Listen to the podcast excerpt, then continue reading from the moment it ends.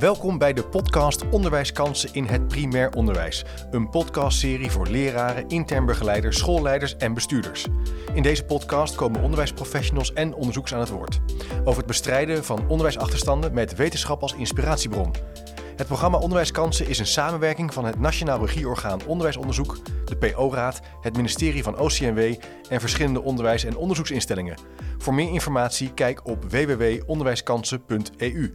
Mijn naam is Chip de Jong, leuk dat je luistert. Aan tafel zitten Lia Voerman, lector didactiek hoge verwachtingen aan de Hogeschool Rotterdam. Leuk dat je er bent.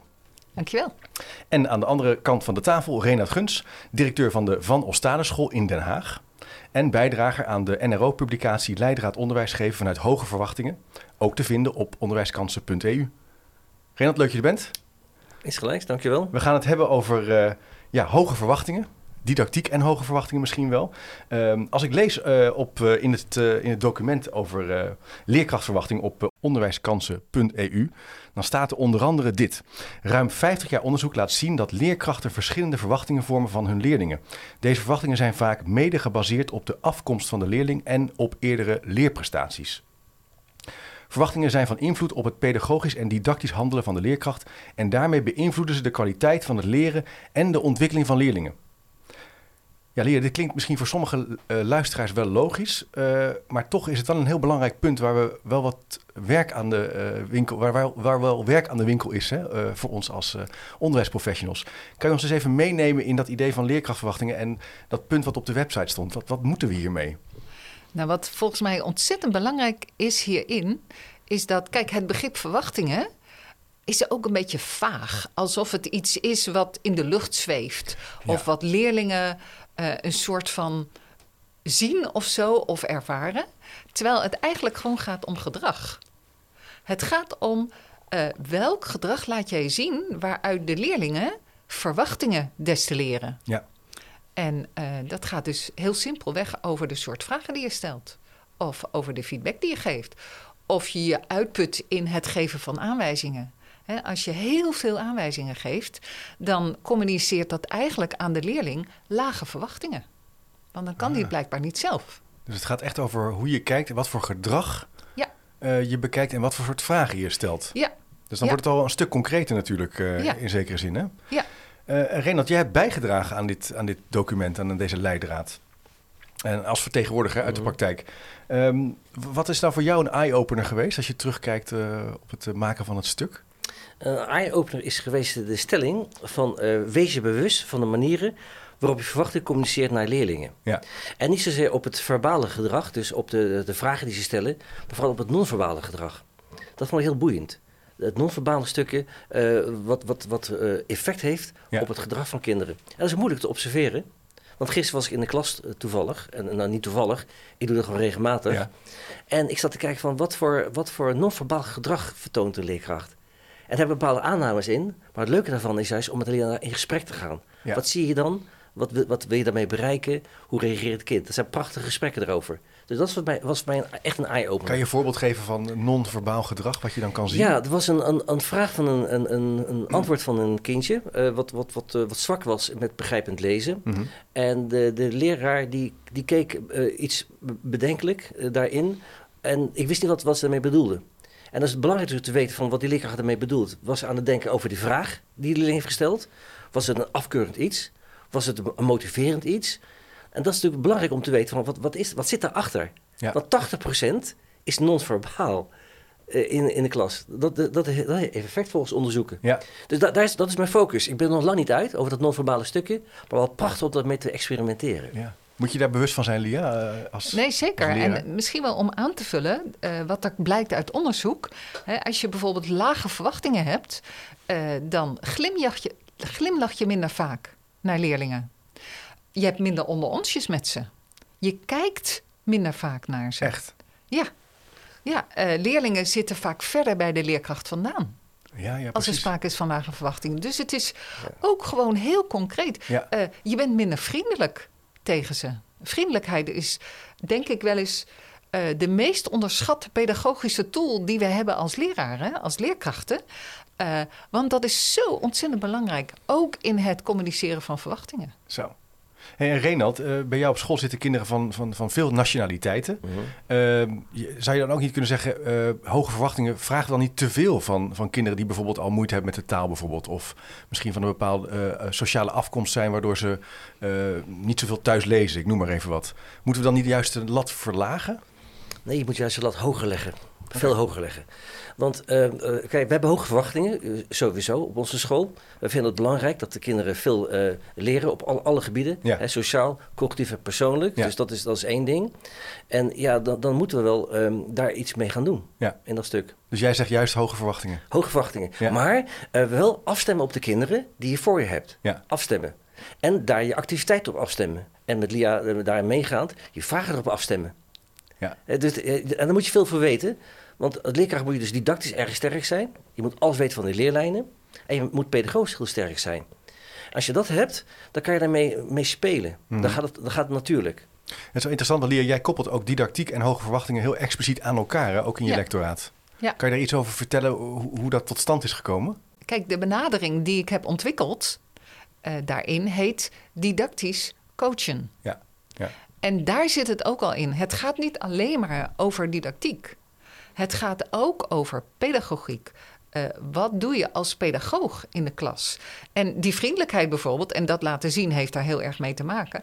Maar didactisch gezien, eh, heel simpel gaat het, en dan, dat heb ik al eerder gezegd, maar ik kan het niet genoeg benadrukken, eh, om welke activerende werkvormen kies je, Mhm. maar vooral ook je activerende interactie Activerende interactie. daarin. Ja. En dat betekent dat als jij je uitput in het geven van aanwijzingen, dan kun je een prachtige activerende werkvorm gebruiken, maar dan wordt er niet actief gedacht en geleerd. Dus dat betekent dat als jij een activerende werkvorm gebruikt, dat je vragen moet stellen. Ja. En wel een bepaald soort vragen. Ja, dus het, het Eh. zweet moet op de rug van de leerlingen staan. Hè? Heb ik ooit een keer een, Precies, een, een- zo is een het. leerkracht eh, horen vertellen. Ja. In plaats dat je zelf super hard aan het werk bent met al die interactie. Ja. Goede vragen stellen, goede didactiek, interactie. Ja. Heel belangrijk. Ja, Ja. En, ja, en ik denk wel eens dat de, de grootste opdracht voor leerkrachten is om te verduren dat leerlingen het antwoord niet meteen weten op een, op een vraag. Oh ja. En dat is gewoon, dat is echt moeilijk. Ja. En dat is zo'n belangrijke opdracht voor ons. Want juist als er geworsteld wordt in het hoofd van de leerling, wordt er geleerd. Worstelen is leren. Ja. Eh, kan je eens een voorbeeld geven hoe jullie dat in de praktijk aanpakken dan? Eh, Die, eh, dus de- deze interactie, die hoge verwachtingen. Hoe, hoe doe je dat nou? Wat zien we nou in jouw school? Wat, wat je ziet in mijn school, gisteren tien lessen bezocht. Wat je ziet is leerkrachten die inderdaad vriendelijk en positief zijn. In een positief klassenklimaat, niet te vergeten. De omgeving moet ook positief zijn Ja. daarin. En een soort vragen die ze stellen, dat zijn ook vaak ook eh, eh, nieuwsgierige vragen. Ja. Misconcepten. Dus de kinderen worden geprikkeld daarin. Dus je kan een vraag stellen gewoon, aan zich. Maar je kan ook een, een hele ander soort vraag stellen, dat kinderen moeten nadenken. Ja. Dus dat is activerende didactiek. En dat doe je ook met formative assessment. Want door eh, kritische vragen te stellen, kunnen kinderen zelf ook inschalen waar ze zitten. Ja. Je kan beter zien waar kinderen dan ook eh, op dat moment zitten en daarop inspelen. Ja. En dat is het mooie van dat, dat differentiëren en dat formatieve stukje. En ja, dat heb ik gisteren op diverse niveaus en diverse keren eigenlijk gewoon kunnen zien. Wat Ja. leuk. Ja, je legt hier ook al de, de, de relatie met aanbeveling 5, hè? Eh, de verbinding met een positief schoolklimaat. Ehm, en, en wat ik heel interessant vond, wat je net in het begin zei, dus dat, dat je als je minder lacht, minder vriendelijk bent, dan heeft het dus al effect Ja. op kinderen. Kinderen merken dat dus al. Eh, Ja. eh, hoe, hoe, hoe, hoe kan je hierop professionaliseren? Hoe, hoe, hoe kan je dit leren? Nou, ehm, eh, wat wij heel veel doen binnen de Hogeschool Rotterdam is het maken van filmbeelden en het terugkijken van die beelden. Ja. En dan met name letten op het effect van wat je doet als leerkracht op de leerlingen. Ja. En eh, als je wilt dat leraren gemotiveerd zijn om te leren, dan is een van de belangrijke dingen is dat zij zien welk effect hun handelen heeft op hun leerlingen. Dat motiveert ze enorm. Dus En feedback, is- zichtbaar maken wat je doet. Je handelen Exact. eigenlijk Exact. expliciet maken. Dat is een Ja. hele belangrijke Ja. tool die je hebt eigenlijk in een school om Ja. te verbeteren. Vanuit hoge verwachtingen van de leerkracht. Prachtig. Ja, dat ook. Ja, dus dat gaat, dat gaat eigenlijk samen. Tuurlijk. Het een, kan, het een sluit het, het een is nodig voor het ander, zou je kunnen Ja. zeggen. Ja.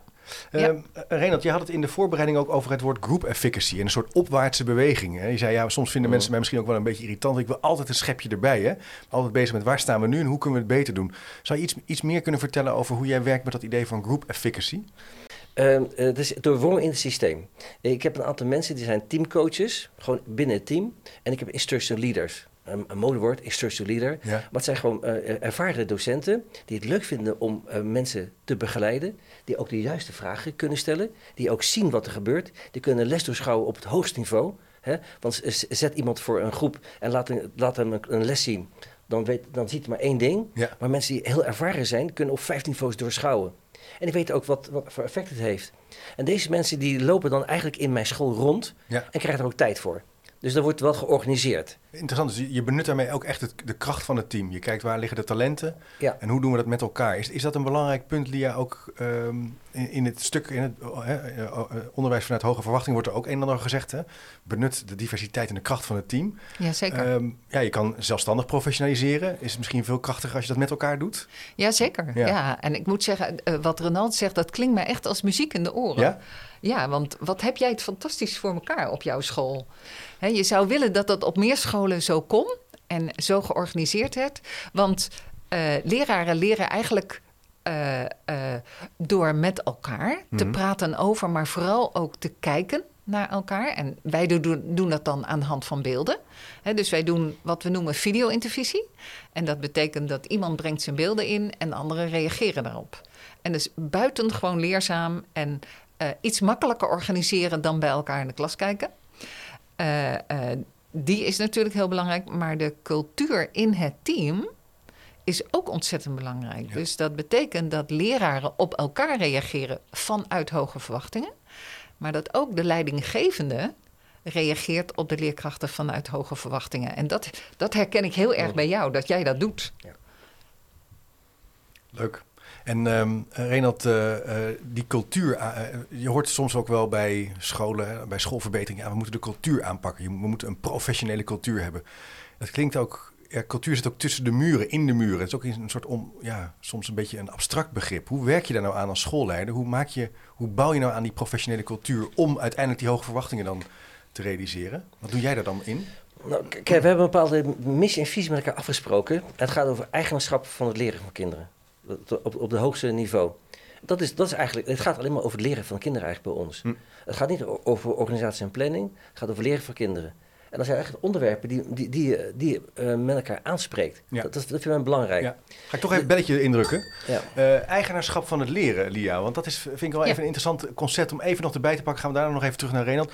Dat is vandaag, dat hoor je natuurlijk heel veel vandaag de dag. Eigenaar zijn over je eigen leren. Je zou kunnen denken, ja, eh, rekenen moet gewoon gebeuren, lezen moet gewoon gebeuren, schrijven moet gewoon gebeuren. Hoe, hoe verhouden die basisvakken zich tot dat eigenaar zijn over je leren? Zou je daar iets meer over kunnen, zou je dat eens kunnen verkennen voor ons? Eh, zeker. Ehm, kijk, eh, want de manier waarop je de vraag stelt, dan lijkt het net alsof leraar, leerlingen geen eigenaarschap zouden kunnen hebben over rekenen of taal of Ja. zo. Hè? En dat kan natuurlijk ook heel goed. Oké, kijk. En eh, dat kun je ook heel goed stimuleren door hoge verwachtingen te laten zien. Ja, ja. Heel goed. Dus ik, ik heb eigenlijk een verkeer, de, de vraagstelling impliceert al een tegenstelling. En jij zegt, nou, Ja. je moet het Ja. eigenlijk bij elkaar brengen. Ja, nee, zeker weten, zeker weten. Wat je wil is dat zelfregulatie iets wordt wat leerlingen leren in hun leven. Ja, zelfregulatie moet iets worden wat leerlingen leren in hun, in hun leven. En, en dus op school is een plek waar je dat kan ontwikkelen. Ja. Ja. En dat betekent dus ook, en dan stap ik even eh, naar de andere kant van het leren, dat leerlingen leren om bijvoorbeeld als zij balen geen zin hebben, dat zij leren hoe zij zich dan zelf kunnen reguleren om dan toch aan de slag te gaan. Ja. Nou, dat is volgens mij een vaardigheid die, waar we best wel een leven lang voor nodig hebben. Ja. Eh, wat je niet zomaar voor elkaar hebt, maar wat wel ontzettend belangrijk is om al aan de basis mee te beginnen. Dat het niet zo is dat als je geen zin hebt in rekenen, dat je het dan maar niet doet. Nee, dat je eromheen gaat. Exact. En Renald, eh, kunnen, wanneer, vanaf wanneer kunnen kinderen dit? Vanaf de kleuterperiode. Vanaf de kleuterperiode. Ja. Jij zegt Eigenlijk meteen als ze op school komen. Ja, meteen. Ja. En kan je een voorbeeld geven wat je dan, hoe je dat dan, hoe, wat zien we dan voor ons? Daar ben ik wel nieuwsgierig naar. Eh, de- je, je ziet kinderen die keuzes maken in, eh, in spelletjes eh, doen. Je ziet kinderen die keuzes maken Ja, met wie ze spelen. ja, precies. Kinderen maken daar keuzes in. Ja. Je hebt kinderen die, ja, bij kleuters wat moeilijker hè, in, in, in het kader van hun leeftijd. Maar hoe ouder de kinderen zijn, hoe beter ze zelf kunnen inschatten. Maar dan moeten ze leren. Ja. Want bij ons gaat het niet meer eigenlijk over verwachting van leerkrachten. Het gaat meer over de leerlingen moeten hoge verwachtingen hebben van zichzelf. Dan kom je op zelfregulatie. Ja, Daar zijn we mee bezig eigenlijk. En hoe, hoe, hoe doe je dat nou? Dat doe je eigenlijk met twee onderwijssystemen op school. We doen het met COVID, de leaderemie. Hè? Dat, dat, ja. dat kinderen zichzelf geloven, dat ze weten waar ze naartoe moeten. Mhm. Dat ze zelf kunnen motiveren. Dat is een heel groot proces. En we doen het via de eh, Assessment for Learning, leerbewust. Dus kijken van eh, de didactiek eigenlijk, doen we dat eigenlijk Ja. in, in dat verhaal. Hey Renat, en stel je voor, ik kan me ook voorstellen dat, dat er kinderen dan op school, leerlingen op school zitten die zeggen, ja, dat lezen, ik vind het gewoon moeilijk. Het wordt niks met mij. Ik, ik, ik, ik, ik weet niet welke boek ik moet uitkiezen als we gaan stillezen. Eh, Ja, ik vind lezen maar gewoon niet leuk. Eh, hoe ga je, da- hoe ga je daar om met, om, dat, om die zelfregulatie dan toch te versterken en daar een goed gesprek over te hebben? Dat ze toch misschien verleid worden en ondersteund worden om beter te worden in lezen. Er goed Ja. over na te denken. Hoe zou je dat aanpakken dan? Ja, er er zijn talloze voorbeelden hiervoor Ja, kan je. Ja. Nou, als kinderen niet willen lezen, dan, eh, dan kan je ze meenemen naar een bibliotheek. Ja. En eh, met, samen een boekje lezen, bijvoorbeeld. Of de ouders erbij Ja. eh, met een kind lezen. Hoe, hoe leuk het Dat is. doen jullie ook. ja, Dat, soort dat verbindingen is een, leggen. is een must. Het is een systeem. En, en zonder ouders lukt dat niet. Oké. Want juist die, stimula die stimulatie moet ook van, van huis uit komen. Eh, op school kan het niet altijd in je eentje. Daar heb je ook niet genoeg tijd voor. Maar de ouders hebben daar meer tijd voor. Ja. En vaak zijn ouders toch wel de crux in een motivatie in bepaalde zaken. Dat is wat ik dan Interessant. Dus dit- we hebben het hier over hoge verwachtingen. Jij zegt eigenlijk bij ons op school verbinden we dat heel expliciet aan de ouders betrekken Ja. in dat proces. Lia, hoe, hoe kijk jij daarnaar als onderzoeker? Is dat, eh, herken je die beweging? Is dat belangrijk? Ja, nee, zeker. Ja? Zeker, ja, natuurlijk. Eh, eh, maar misschien mag ik er eerst nog even ingaan op Tuurlijk, ja. eh, eh, wat jij eerder zei. Want ehm, ik denk namelijk dat het stimuleren van lezen ook heel plastisch is. Eh, in de zin van dat als jij een kind bijvoorbeeld vijf minuten hebt zien lezen in een boekje, eh, dat je tegen dat kind kunt zeggen: eh, feedback. Joh, ik zag dat jij vijf minuten aan het lezen was. Gevolgd door een vraag naar zelfregulatie. Namelijk, hoe heb jij nu voor elkaar gekregen dat jij vijf minuten geconcentreerd aan het lezen was? En als je een kind dat bewust maakt van hoe die dat doet, Mhm. dan is de kans groter dat hij het daarna misschien tien minuten kan. En doet. Dus je maakt in zekere zin ook het resultaat, je maakt het zichtbaar. Je, je, Ja, je, benoemt gaat- het in je, benoemt in je feedback. Je maakt het groot ook in zekere zin. Je hebt vijf minuten zelfstandig gelezen, hartstikke goed. Precies. Hoe heb je het aangepakt? Ja. En dan dat- zie je zo'n kind opbloeien? Of, Ja, wat- ja, ja, nee, zeker. Ja. zeker. Eh, Ja. En alles natuurlijk doelgerelateerd. Ja. Dus betekent dat je feedback past bij de doelen die je hebt. En als dat zelfstandig lezen is, dan gaat het daarover. Ja. Als het gaat over het zelf uitkiezen van een boek, gaat het daarover. Ja, ja, ja. Ja, Het is en, wel belangrijk wat je hier noemt. Want ik, kom, ik, kom- ik bezoek zelf ook wel regelmatig scholen. En ik zie soms ook wel leerkrachten die toch impliciet zeggen... ja, mijn groep, ja, daar wordt niet zo, die lezen gewoon niet zo makkelijk. Weet je? Of, of dat rekenen loopt niet zo lekker. ja. En ik kan me dus voorstellen, eigenlijk wat jij zegt nu... dat triggert me wel, dat dat heeft heel verregaande consequenties... in wat voor vragen je stelt en hoe je onbewust dus Mm. voor die Ja. klas staat. Ja. En jij zegt eigenlijk, daar moet je wel heel scherp op zijn. dat klopt helemaal. Ja, En eh, we hadden het daarvoor even over dat punt van die ouders. ja. Hoe, hoe kijk je daar nou naar als onderzoeker? Dat betrekken van de ouders eh, ri- richting die, die, ja, die hoge verwachtingen? Ehm, kijk, ouders hebben, als het goed is, hoge verwachtingen van hun kinderen. Ja. Hè? En op scholen hoor je dan wel eens van te hoog. Ja. Hè? Ja. elke uil denkt zijn kind een valk te zijn of zoiets. Hè? Iets dergelijks is het wel. En ehm, eh, eh, eh, dat is ook de functie van ouders. Ja. Ouders horen de wereld te denken van hun kinderen. Ja. En tegelijkertijd eh, is het van belang om ook aan ouders te leren te kijken naar hun kinderen en feedback te geven en vragen te stellen. Ja. Eh, niet alles zomaar goed te vinden. Eh, we hebben het dan in dat kader wel eens over specifieke feedback. Hè? Dus dat je niet alleen maar zegt over iets van, oh mooi. Maar dat je zegt waarom iets mooi is. Ja. Dus, oh, wat heb jij hier goed gekleurd? Alles binnen de lijntjes. Of alles buiten de lijntjes, als dat juist de bedoeling was. Hè, dat kan ik me ook nog voorstellen. Ehm, eh, eh, ik hou vaak presentaties op ouderavonden ook. En wat ik merk is dat ouders eh, heel geïnteresseerd zijn in hoe zij hun Ja. kinderen kunnen helpen. Ja. Eh, en dat ook heel graag willen, daar meer over willen weten. Ja, Renat, herken je dat? Absoluut. Ja? Ja? Ja, we hebben dat ook in het systeem ingezet. Ja. Eh, we hebben niet alleen maar ouderavonden, dat vinden we een beetje ouderwets. We hebben echt, eh, we hebben echt ouder-kindgesprekken met elkaar. Ja. Eén keer per maand komen de ouders even op Eén school. keer per maand. Eén keer per maand. Ja, het, het is een must. Eh, want dan krijg je een gesprek tussen ouder en kind. En juist die vragen die soms ouders stellen aan de kinderen, die zijn van die aard dat het niet motiverend is. Dat hoort de leerkracht dan en die gaat daarop in. Die buigt dat om als het ware naar positivisme. Want ouders zijn soms, eh, eh, wat vind, vind ik dan, te kort door de bocht naar hun kinderen toe. En niet stimulerend genoeg, vinden wij. En dan kunnen wij dat ombuigen. Dus, Ja. dat is, dus die relatie tussen ouder, kind en leerkracht is enorm belangrijk. Eigenlijk leren die ouders dus ook heel veel bij jullie. Ja, en ik, en ik hoop dus dat ze dat achtervorderen, dus dat ook zo Dat doen. nemen ze dat is de mee. bedoeling, dat nemen Ja. ze mee. Ja. We nemen ze in alles mee. Ook, we nemen ze mee in de lessen. Ze mogen altijd in de les komen kijken. Dat doen ze gewoon eh, ook standaard. Worden ze voor uitgenodigd. Ook om te zien hoe wij met de kinderen omgaan. Wat, wat maakt nou dat je dat, dat je dat ook echt hebt weten te organiseren in de praktijk? Want dit klinkt prachtig, want dit lijkt me best toch wel een uitdaging in een school om ook echt onder de streep ouders naar binnen te halen. En... Ja, maar dat gaat niet zomaar. Het is, nee, dat, het is is een lange proces. hè? weg. Je bent hè? ook al een tijdje We zijn al een tijd mee bezig. Ja. Het is, het is een, een bouwproces. En vergelijking met 15 jaar geleden zitten we nu echt wel op de top, zou ik maar zeggen, qua eh, educatief partnerschap. Ja. Ouders weten nu eigenlijk wat ze van ons wordt verwacht. Ouders zien hoe belangrijk het is. Dat is Ja. ook even Ik een ding. een belletje drukken. Educatief partnerschap. Wat bedoelen we daarmee? Eh, is dat misschien Nou, even Renat en dan anders ja. even naar Lia toe? Uh, ouderbetrokkenheid is, van, is eenzijdig. Hè? Je betrekt de ouders erbij. ja. Maar, e- maar partners zijn gelijkwaardig. Ook daar zit er wel een verschil in. Ja. Eh, vaak eh, in de tijd waar ik ben opgegroeid, was de, de leerkracht de, de meester. Ja. En die zei wat er moest gebeuren. Maar je bent gelijkwaardig. Je hebt een gesprek, eh, over, je hebt een gesprek over het kind. Een positief opbouwend gesprek. Positief opbouwend gesprek, Lia. Educatief partnerschap. Zou je dat ook zo omschrijven? Nee, zeker. Ja.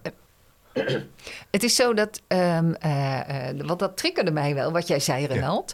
Eh, dat, dat positieve, dat positief leerklimaat. Want daar is ook heel veel onderzoek naar gedaan. Dat als je feedback geeft, positieve, negatieve feedback, in een verhouding van ongeveer drie keer positief ten opzichte van één keer negatief. In en ganzen. Dus niet eh, dat je drie keer iets leuk moet zeggen. Hè? Dus als ik jou feedback zeg, dan ga ik drie keer wat leuk zeggen. En dan, Ja, pa, klas. dan komt hij. Ja. hè? Dan zeg jij de volgende keer tegen mij... Nou, Lia, laat mij weg. Ja. Zeg maar. Ja. Dus het gaat over het geven van positieve feedback... eh, als daar aanleiding toe is. En het geven van negatieve feedback als daar aanleiding toe is. Maar wel in een verhouding dat er meer positieve feedback wordt gegeven... dan negatieve feedback. Ja.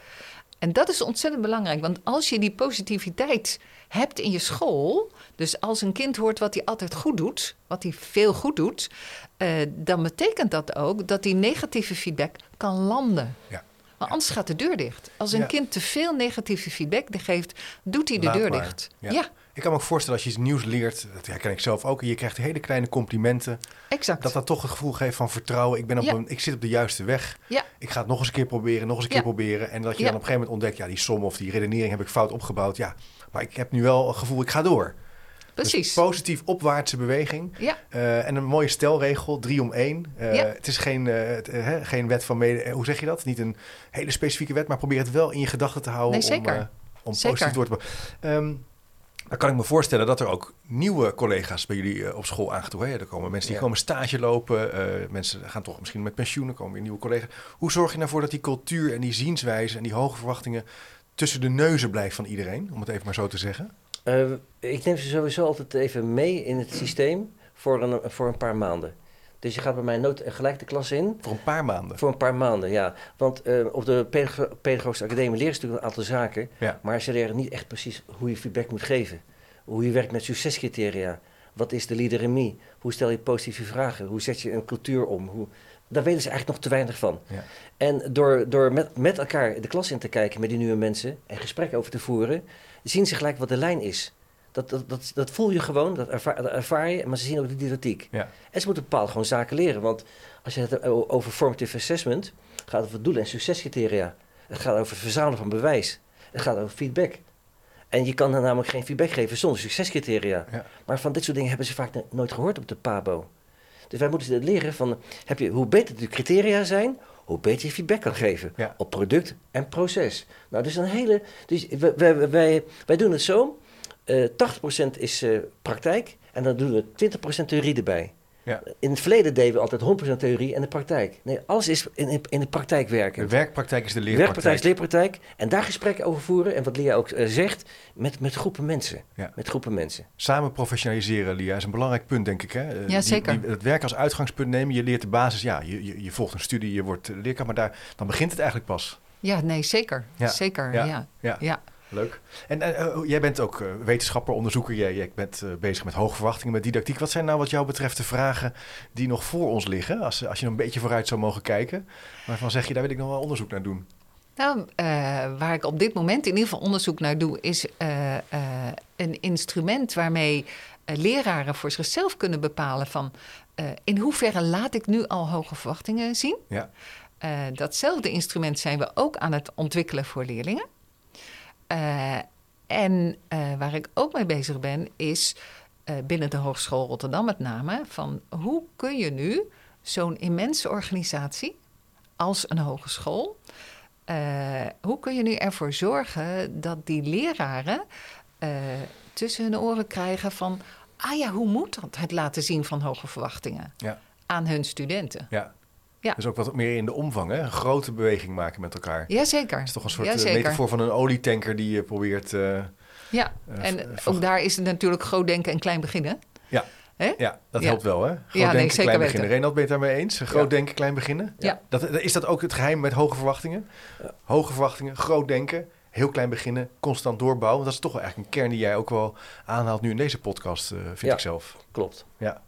Leuk. En hoe gaat het met jou verder de aankomende periode, Renald? Waar, ben jij dan mee bezig als het gaat over hoge verwachtingen eh, in jouw school? Zou je nog een laatste blik vooruit kunnen doen? Ja, ik, ik, ga, ik ga hiermee door. Want de, de kunst in het onderwijs is een, een balans te zoeken tussen het sociaal leren, persoonlijk leren en cognitief leren. Ja. En als je de nadruk legt op cognitief leren alleen, dan mis je de boot. Dus je moet vooral de nadruk leggen eigenlijk op persoonlijk leren, op zelfregulatie. En daar zit heel veel winst te behalen. Ja. Maar door de druk van het systeem, voor de opbrengsten, zijn leerkrachten geneigd om gelijk terug te gaan naar het klassikale frontale stukje. Ja. Want dat levert gauw prestaties op. Maar het is juist belangrijk dat persoonlijk leren en sociaal leren de boventoon gaat voeren. Ja. En dat is een zoektocht. En dat, dat, dat, dat blijft eh, voor mij. En ik, ik, hoop, ik hoop dat alle leerkrachten bij mij op school echt gaan kiezen alleen maar voor sociaal en persoonlijk. Ja. En dat daarbij de cognitie wel, wel naar voren komt. Maar Ja, dat is een... ehm, Het is en-en. Maar Het is, wat ik ook en-en. leuk aan vind, wat jij zegt, het is een soort zoektocht. Je moet toch nieuwsgierig blijven met elkaar. Naar steeds weer beter doen, anders doen. eh, nieuwe dingen lezen, met elkaar in gesprek gaan. En dat is toch een belangrijke kern ook van professionaliseren in zekere zin. Dan wil ik nog een laatste vraag stellen over het groeperen van leerlingen. Ehm, heterogene groepen, homogene groepen. Ja, daar wordt tegenwoordig hoor je daar ook allerlei dingen over. Hoe moeten we daarnaar kijken in relatie tot hoge verwachtingen? Nou weet je, eh, als je eh homogeen groepeert, dus de goede bij elkaar en de minder goede bij elkaar, Ja, eh, dan laat je meteen zien hoe het zit met de verwachtingen. ja, en er zijn van die benaderingen van de zonnetjes, de maantjes en de sterretjes. Nou, je merkt al aan de manier waarop ik het praat dat ik daar... ik word daar eigenlijk heel ibelig van. Want kinderen komen huilend thuis, want dan zijn ze weer geen zonnetje, geloof ik. ja. En blijven maar een sterretje. En dat, dat is een boodschap aan kinderen die ze eh, hun leven meenemen. Eens een sterretje, altijd een sterretje, als dat het laagst is. En eh, wat je dus doet als leerkracht, is flexibel groeperen. Dus je kunt best een keer de goede bij elkaar zetten en de minder goede bij elkaar. Tuurlijk.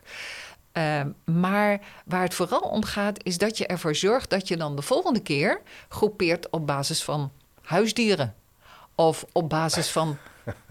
kleur ogen. Ja. Of op basis van eh, wanneer moet je weer naar de tandarts. Of zo. Dus dat je, dus zeg maar onafhankelijk groeperen wordt Ja. het dan ook. Zodat kinderen, eh, alle kinderen met elkaar werken. En ook alle kinderen met elkaar leren werken. Omdat dat niet alleen eh, voor het leren belangrijk is, maar ook maatschappelijk belangrijk is. Dat je leert werken, dat je leert omgaan met alle mensen van alle kleuren, alle achtergronden in onze maatschappij. Renat, herken je dat? Is dat een belangrijk uitgangspunt ook voor jou? Dat, Ja. dat idee van uh, constant nadenken over wie je bij elkaar zet? Absoluut. Ja. Ja, ik, ik kan er geen, geen wet aan, aan toegeven. Nee. Bij mij is het heterogeen. Ja. Eh, en sommige opdrachten is het homogeen. Hè, want je moet ook uitkijken van... eh, je kan zwakke en goede leerling bij elkaar zetten. Maar je moet je ook afvragen... wat leert die goede leerling nou eigenlijk precies? Wat leert de zwakke leerling daarvan? Dus je moet constant moet je gaan kijken van... Nou, voor welke les, Ja. bij welke activiteit... ga je het heterogeen doen of homogeen? Ja. Wat wij sowieso doen, is elke week leermaatjes doen. Wij wisten elke keer van, van, van maatjes. Ja. Dat ze met verschillende kinderen, met alle kinderen uit de klas werken. Op alle Hoe terreinen. vinden leerlingen dat? En ik vind dat soms moeilijk, want ze willen vaak met hun vriendjes werken. Ja. Maar ze moeten ook met hele andere kinderen werken. En dat is, wel, dat, dat is juist wat wij willen beogen. Ja. Met iedereen moet je kunnen werken in de klas. Ja. Dat is ook een hoge verwachting, hè? Dat Hoge je- verwachting, Ja, dat moet je gewoon in- kunnen. Dat kan je ook, hè? Dat, gaan we kan je leren. ook. Gewoon, gewoon dat. Ja. En dat is een leerproces. Niet iedereen vindt het leuk. Maar nu vinden ze het wel leuk. Omdat de, de leerkrachten ook er positief tegenover staan. Ze weten ook van, je kan van iedereen leren. Ja. En iedereen heeft er wat over te zeggen. Dus iedereen voelt zich competent in het, in het verhaal. Leuk, wat, wat, wat, wat kan je dan ook veel hè, in een klas en in een school, hè, als je er zo naar kijkt. Het is natuurlijk een ontzettend rijke omgeving waar je op tal van manieren naar je didactiek en je pedagogie kan kijken om, eh, nou ja, om die hoge verwachtingen eh, te realiseren. Hè, want dat is natuurlijk uiteindelijk wat we willen. Hè. Dus, eh, zorgen Zeker dat we gewoon weten. eh, eh, krachtig leren. Ontzettend leuk om met jullie langs de aanbevelingen te lopen. Ik ga me niet wagen aan een samenvatting, want ik denk dat ik dan onvolledig ben. Maar ik zou zeggen, als je nu luistert en je wil meer weten, ga dan zeker even naar www.onderwijskansen.eu. Dit was een podcast in de serie van het programma Onderwijskansen. Check dus zeker even www.onderwijskansen.eu. En dit is een samenwerking van het NRO, de PO-raad, OCMW en diverse onderwijs- en onderzoeksinstellingen. In de speakernotes van de podcast staan alle bronnen nog even op een rij. Check zeker ook even onderwijskansen.eu voor meer informatie. Ik wil mijn gasten Renald en Lia hartelijk danken voor jullie bijdrage. En ik zou zeggen, vergeet je niet te abonneren op de podcast, dan mis je niks. Tot de volgende keer.